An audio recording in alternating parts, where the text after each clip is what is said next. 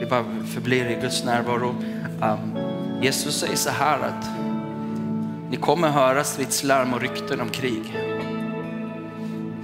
Se då till att ni inte blir skrämda. För sånt måste hända, men det är ännu inte slutet. Men det är ännu inte slutet.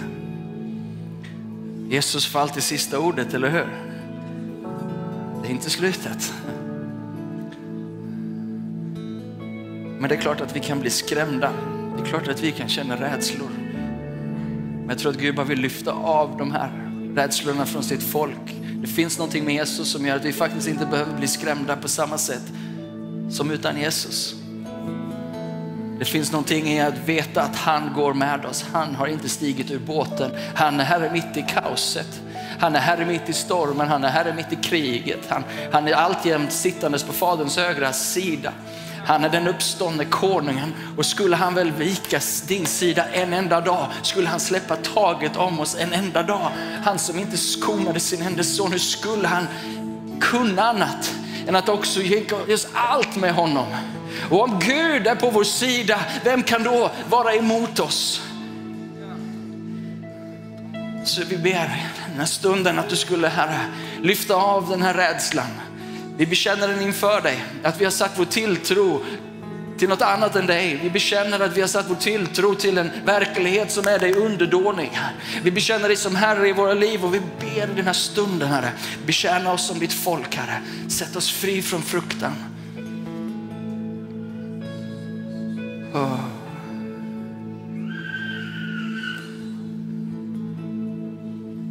Om du vill lyfta upp din fruktan till Gud så kan du bara lyfta dina händer just nu. Eller kanske lyfta upp någon annans fruktan.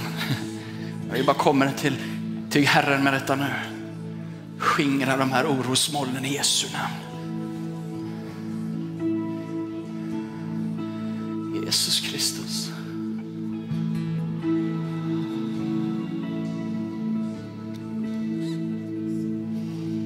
detta evangelium och riket ska förkunnas i hela världen och ett vittnesbörd för alla folk. Sen ska slutet komma.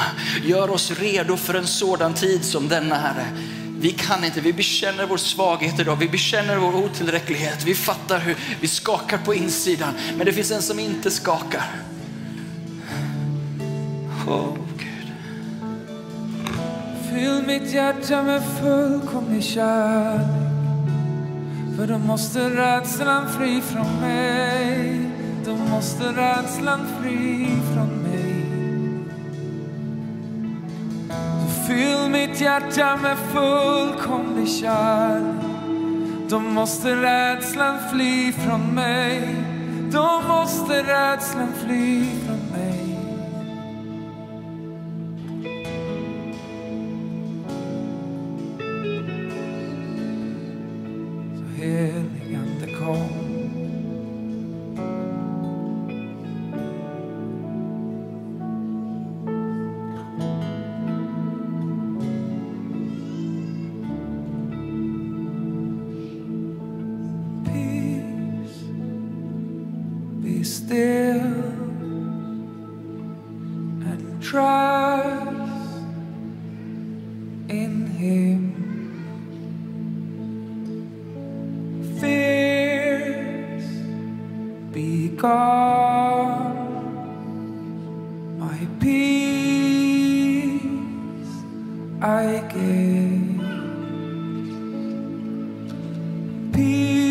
Peace, be still and trust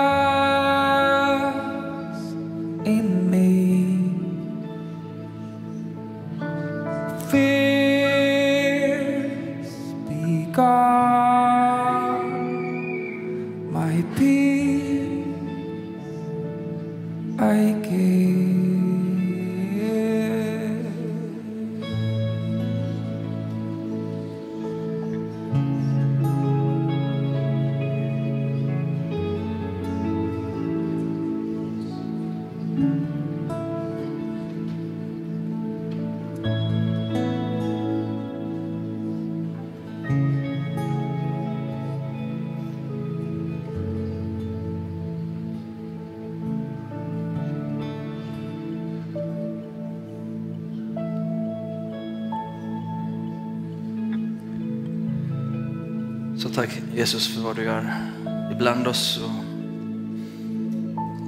vi ber här också när vi kommer till ditt ord att du genom ditt ord skulle tala tro och hopp in där det behövs som mest här.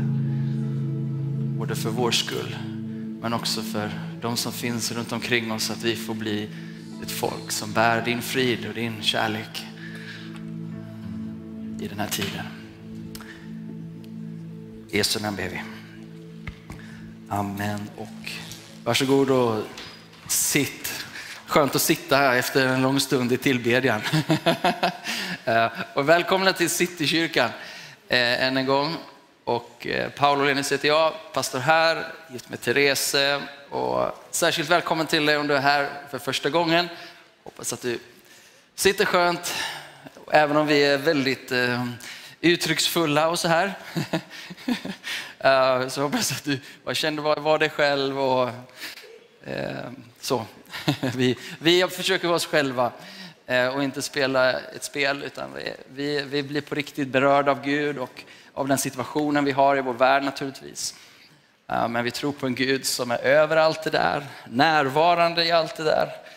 Ehm, och det är det som är det stora med, med berättelsen om Jesus, att han var Gud i himmelen, blev Gud på jorden, mitt ibland oss eh, och bjuder in oss att få leva ett liv med honom istället för att reda ut vårt kaos själva eh, och försöka bemästra kaosmakterna, ondskans makter, så stiger Gud rakt in och befriar oss och helar oss och förlåter oss.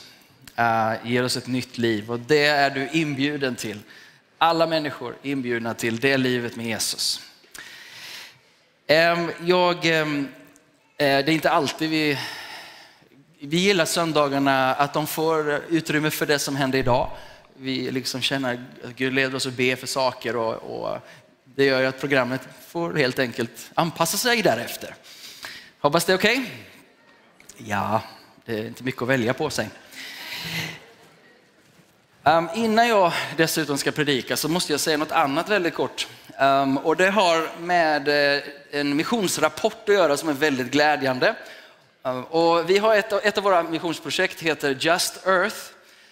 Och det är ett, ett jordbruksprojekt nere i Uganda uh, som för övrigt har sin, sina rötter i Kenya. Men det har med dagens predikan att göra därför att det här exemplifierar och gestaltar evangeliet om riket. Och eh,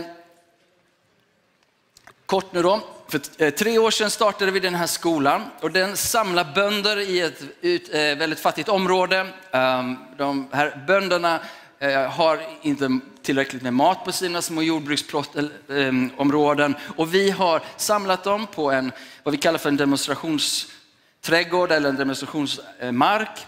Och där undervisar vi dem om Guds rike och om jordbruk. Hjälper dem att få sina liv rätt med Gud och sen så gå hem och ta hand om sina eh, små markområden. Och när vi gör det, vilket är fantastiskt, så får de sån avkastning på sina små jordbruk att de kan börja inte bara försörja sig själva men, men, och, och, och ge barnen skolgång, men de bör kunna bli små, små företagare och börja utveckla sitt samhälle. Ehm, och det här är tänker jag, en, en väldigt vacker bild av vad Guds rike gör. Det bjuder in en människa och få till upprättelse till vem hon verkligen är. Och så får den människan börja ta hand om sin trädgård. Och så får den börja blomstra. Några korta bilder tror jag vi har på skärmen här. Eh, den här är underbar tycker jag. Det krävs lite avkodning av alla dessa färger. Men mannen som är på gång här och böjer sig, han är bonden. Han är en av dessa som vi tränar. Mannen med paraply, eller under paraplyet med ansiktsmask, det är premiärministern där nere i den delen av landet, ska jag säga, inte i hela Uganda för det består av många kungariken. Men det är en premiärminister och sen då lite bakom där till vänster så har vi vår agronom eller vår lärare Amos, tillika Wilberforce brorsa. Och han har då tränat den här bonden och nu berättar den här bonden för premiärministern vad han har lärt sig hur man ska ta hand om grödorna på bästa sätt för att få bästa avkastning.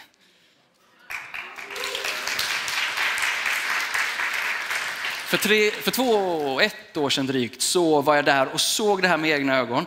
och få, få följa de här bönderna från att ha varit så osäkra, tillbakadragna, till att få, få, få upptäcka vem de är och att de har något att bidra med och kan dessutom få ge den kunskapen vidare. Inte bara till höga och eh, fina människor som vi såg där, men till hela det området så sprider sig där. Vi hade nog en bild till tror jag. En annan härlig bonde. Jag vet inte hur du avkodar den bilden, men den farlig ut. Det här är hans, är hans jordbruksplott. Det här är hans majs. Och det finns en hel del stolthet i det här. Och han har fått vara på vår demonstrationsmark, lärt sig hur man gör bättre förutsättningar för majsen att växa så att det blir bättre avkastning. Och så växer någonting och så är det en man här som har möjlighet att försörja och ta hand om och sprida det här vidare. Sista bilden. Här han har ett gäng av bönderna tillsammans med eh, premiärministern och lärarna. Det här gänget är de som går just nu, det är de vi supportar. Ehm, och ehm, drömmen med det här, nu har pandemin eh, bromsat utvecklingen lite grann, men vi, tanken var att starta en, eh, wow, vad heter det, som man kan multiplicera. En prototyp. Eh, någonting som är så bra i sin, i sin början som vi sen kan sprida över Uganda. Målet är att ha sådana skolor över hela Uganda och göra det möjligt för de fattigaste bönderna att ta hand om sina liv och sina egna ekonomier och bygga upp sitt samhälle. Det är vad Guds rike gör. Det är det som är evangeliet om riket som du och jag är satta att leva ut och predika ut. Och det får vi vara med om. Om, vara med. om du vill så kan du ge en gåva. När vi fikar efteråt så har ni hört det, varje gång vi fikar så ger vi pengarna till Just Earth. Så ge så mycket du vill till den här kaffekoppen och så kommer det gå ner till det här arbetet i Just, Just Earth. Okej, okay. det om det.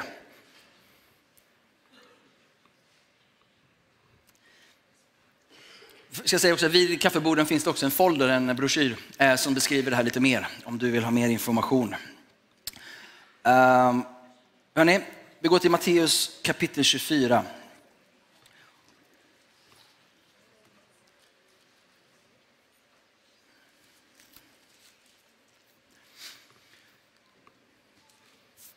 Jag har redan citerat några verser från det här. Kapitel 24, vers 3 till 14. Och jag tänker att det här är relevant eh, utifrån vårt Europa och utifrån den tid vi lever i. Um, och man skulle också kunna säga att den här texten har alltid varit relevant. För det har alltid varit krig och det har alltid varit oroligheter. Men eh, vi behöver påminnas om Jesu förhållningssätt i detta. Vers 3. När Jesus sedan satt eh, på Olivberget och lärjungarna var ensamma med honom kom de fram till honom och frågade, säg oss, när ska det ske? Och vad blir tecknet på din återkomst och den här tidsålderns slut? Jesus svarade dem, se till att ingen bedrar er. Många ska komma i mitt namn och säga, jag är Messias. Och de ska bedra många. Okay? Se till att ingen bedrar er. Det är en tid som nu kommer efter att Jesus slutar prata här ungefär, så kommer många försöka bedra oss. Och så fortsätter han, jag är Messias och de andra eh, och de ska bedra många, men ni kommer att höra stridslarm och rykten om krig. Se då till att ni inte blir skrämda. Okej, okay? så krigen kommer, bedrägeriet, villfarelse, förvirring kommer, krig kommer, men bli inte skrämda, för sånt måste hända. Men det är nu inte slutet. Folk ska resa sig mot folk, rike mot rike och det ska bli svält och jordbävningar på många platser. Men allt detta är bara början på födslovåndorna. Och jag ska inte göra någon djup liksom, sista tiden predikan här, för det finns alldeles för mycket att säga på tio minuter. Men eh, födslovåndorna, för att bara avkoda det om du är ny i det här. Bibeln beskriver eh, som att hela skapelsen är i, ett, i, liksom i födsloverkare bilden beskriver att skapelsen väntar på att föda fram en ny skapelse i sin fullbordan. Ehm, och när det är den tiden precis innan födelsen av ett barn så gör det riktigt ont har jag hört. Det stämmer, ja, Alfred kan bekräfta det. Eh, någon kvinna som kan bekräfta det? Ja. Så vi det är flera som säger att det gör faktiskt ont. Och något hejdlöst ont och den typen av smärta skulle nog ta kål på varenda man dessutom.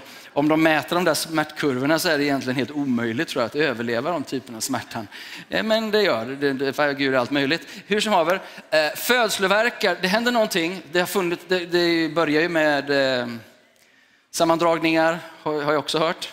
Ja, och, och, det blir liksom värre och värre. Och det är någonting som ska komma fram. Och i skapelseberättelsen, eller om, om berättelsen om skapelsen, så handlar det om att när Jesus kommer tillbaka, då ska han göra allting väl igen. Och även skapelsen ska få tillbaka sin ursprungliga, eller kanske till och med ännu större härlighet än vad den hade i Edens lustgård. Okej, okay? så vi är i den passagen när det är trångt. Och det känner vi av.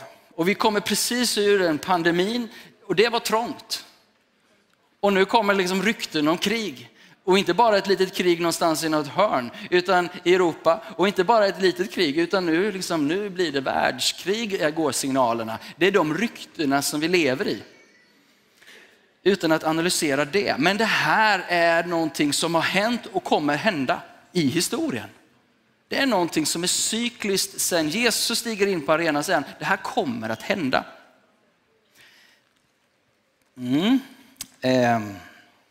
Men det är början och sen så eh, på födelsevåndan, det var där vi var. Vers 9. Då ska man ut, det blir liksom inte bättre här nu, bara så du vet. Först blir det bättre, sämre och sen blir det bättre. Men då ska man utlämna er åt lidande och döda er.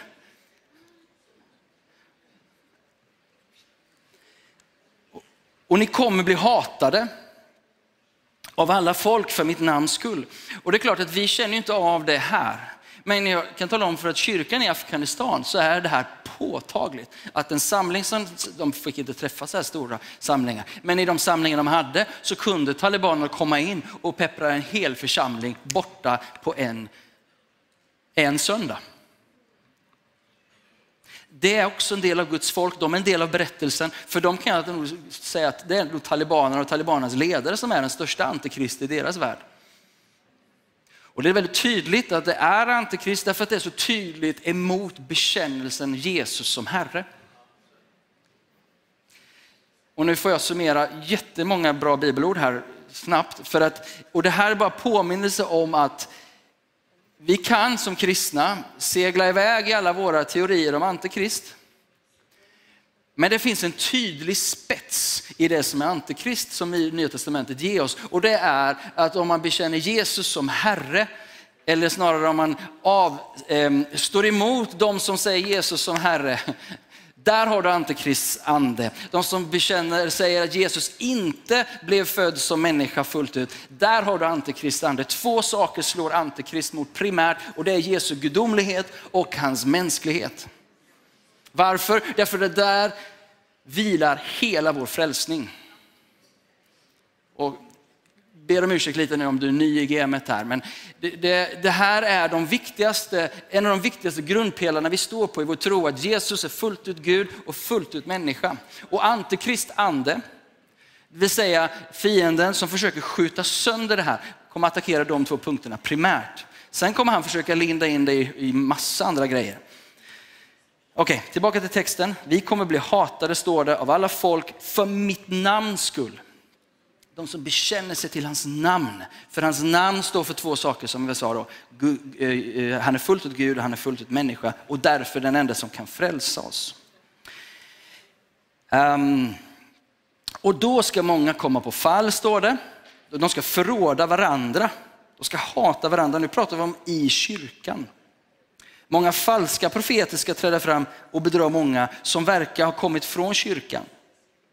Eftersom laglösheten ökar kommer kärleken att kallna hos de flesta. Men den som håller ut i slutet ska bli frälst. Och nu kommer den viktigaste versen i dagens predikan här, nummer 14. För när allt det här händer, förvirring och bedrägeri, krig och elände och förföljelse av de troende. Vad är Jesu liksom infallsvinkel på det här? Vad är det som blir viktigt ju mer det här pågår? Jo, det som blir viktigt, det står i vers 14, och detta evangelium om riket ska förkunnas i hela världen till ett vittnesbörd för alla folk. Sen ska slutet komma. Varför är det här goda nyheter? Jag ska svara på det alldeles strax. Men för det första, sedan ska slutet komma. När ska slutet komma? När ska slutet komma? När ska slutet? Jo, det ska slutet ska komma när evangeliet om riket har förkunnats i hela världen. Så vi, om vi ska göra det väldigt enkelt för oss om, om sista tiden, ja, då har du där svaret. Liksom. När är det? För det är där frågan ligger. Lärjungarna undrar, vad blir tecknet på din återkomst? När är tiden, tidsåldern slut? Jo, när evangeliet om riket har blivit predikat för alla folk. Då är det färdigt. Och det är väl skönt att veta. Så när kommer Jesus tillbaka? Ja, när evangeliet om riket har predikats till alla människor. Eller alla folk som det står. Och jag, och jag tänker att det här är goda nyheter. För fokuset ligger på evangeliet om riket. Och vad är det evangeliet om riket talar om för oss? Om du går till Markus kapitel 1, vi har läst det många gånger i den här, från den här talarstolen, men kapitel 1 och vers 15 så får du svaret på vad Jesus predikar. Precis från versen innan står det att han förkunnade Guds evangelium, som vi skulle kunna säga tillika som är Guds evangeliet om riket. Så Jesus förkunnar evangeliet om riket och han säger vad då? Jo, tiden är inne och Guds rike är nära. Omvänd er och tro evangeliet. Vad är evangeliet? Att Guds rike är nära. Vad är evangeliet? Jo, det är att Guds närvaro är mitt ibland oss. Vad är evangeliet? Jo, det är att Gud har inte övergivit sin skapelse eller någon enda människa, utan Gud vill vara närvarande i med varje människa. Evangeliet är och innehåller att han dör på korset och uppstår igen. Det där som möjliggör att Gud på nytt kan stiga in och vara mitt ibland sitt folk. Evangeliet om riket ger hopp i krigstider. Vet du varför? Jo, därför att Gud säger, jag är mitt ibland er. Jag stiger inte undan kaoset, jag har ju stigit in i kaoset. Evangeliet om riket ska predikas speciellt i krigstider, speciellt i orostider, i förföljelsetider. Förföljelsetider är inte en tid för kyrkan att ta, sig, ta stegen tillbaka. Krigstider är inte en tid då vi ska ta steget tillbaka, utan möta med vår Gud och i hans närvaro bli styrkta att gå rakt in i kaoset och vara ljus och frid när det behövs som mest. Tack. Det är evangelium om riket som, som är lösningen, som är riktningen. Och det är så noggrant att det är evangeliet om riket och inte evangeliet, för hör mig rätt nu, om endast syndernas förlåtelse och på väg till himmelen. Hoppas jag trampade på några tår nu. Okay, evangeliet innehåller syndernas förlåtelse, men evangeliet om riket har en större, större perspektiv. Det handlar om alltings återfödelse som nyckeln sitter i, en försoning på korset och på korset så stiftar han frid i himmelen och på jorden genom sitt blod. Så det finns ingen frid, det finns ingen helhet, det finns ingen upprättelse om det inte finns ett kors och en uppståndelse. Men vi går inte ut och predikar ett evangelium som säger du behöver få dina... Förlåt att jag pratar så fort.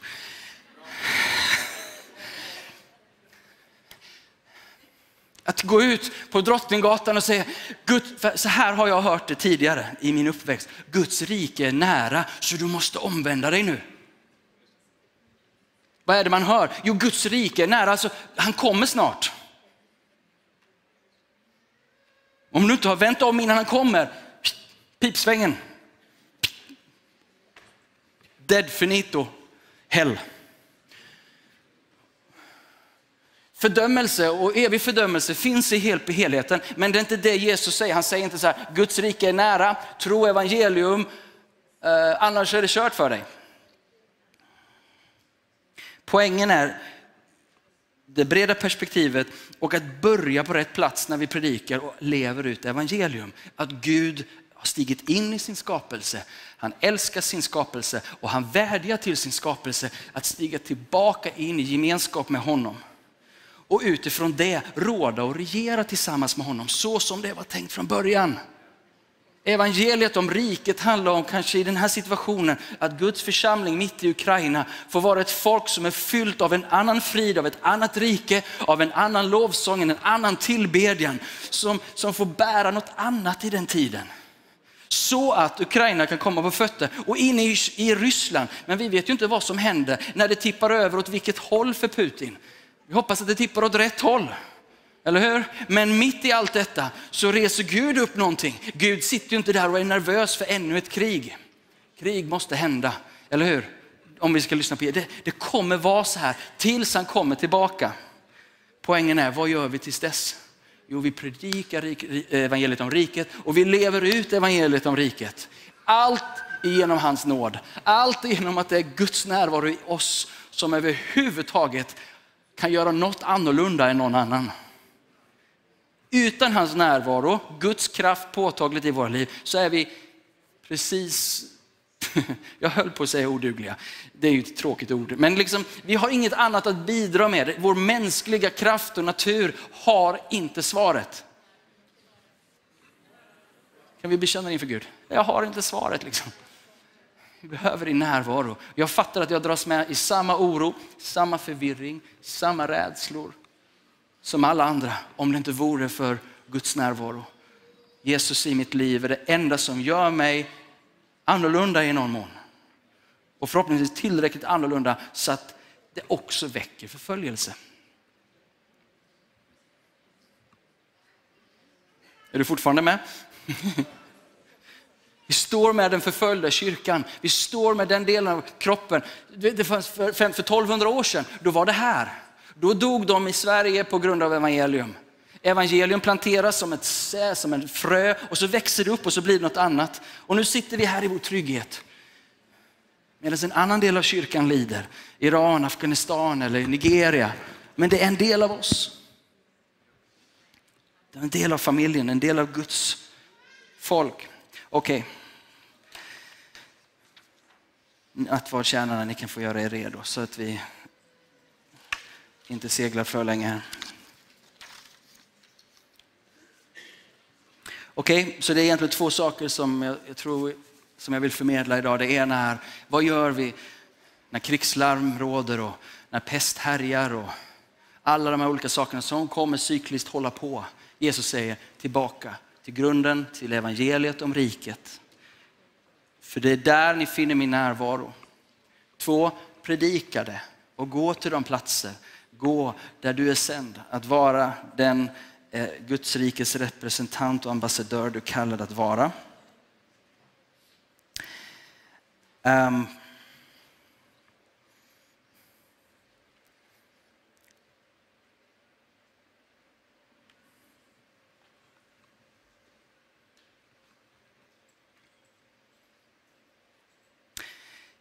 Jesus i Johannes evangelium så säger Jesus sju gånger att han är någonting. Och låt det här också få bli en bild av bredden av vem Jesus är, hans evangelium. Han säger, jag är livets bröd. Evangeliet kärna säger att jag är livets bröd. Jesus säger, jag är världens ljus. Jesus säger, jag är dörren till fåren. Han säger, jag är uppståndelsen och livet. Jesus säger, jag är den gode heden. Jesus säger, jag är vägen, sanningen och livet. Jesus säger, jag är den sanna vinstocken. Och allt det här är han nu. Allt det här är han nu och han bjuder in oss mitt till den han är. Poängen är det här, allt det här är inte sen och i evigheten. Allt det här är nu.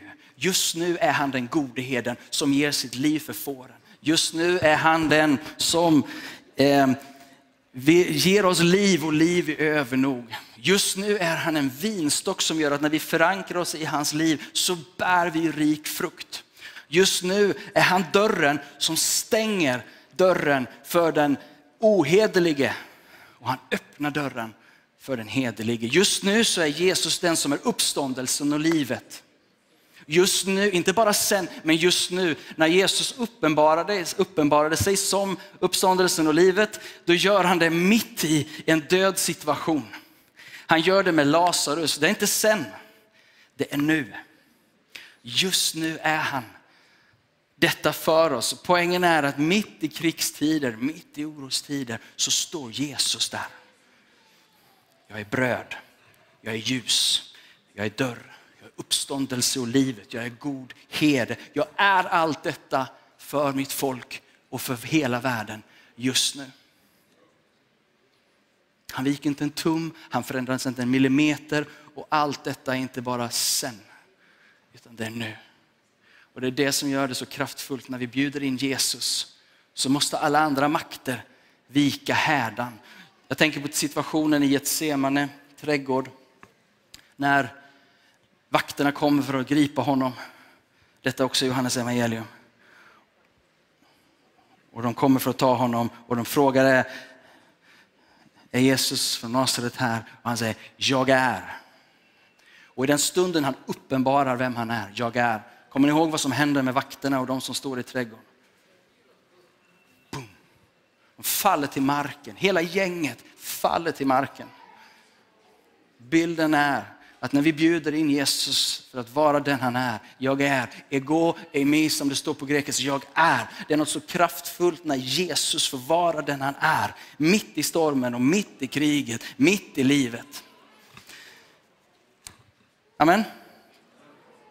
Jesus är eh, rikets epicentrum, dess upprätthållare. Han är den som ger riket allt det vi behöver.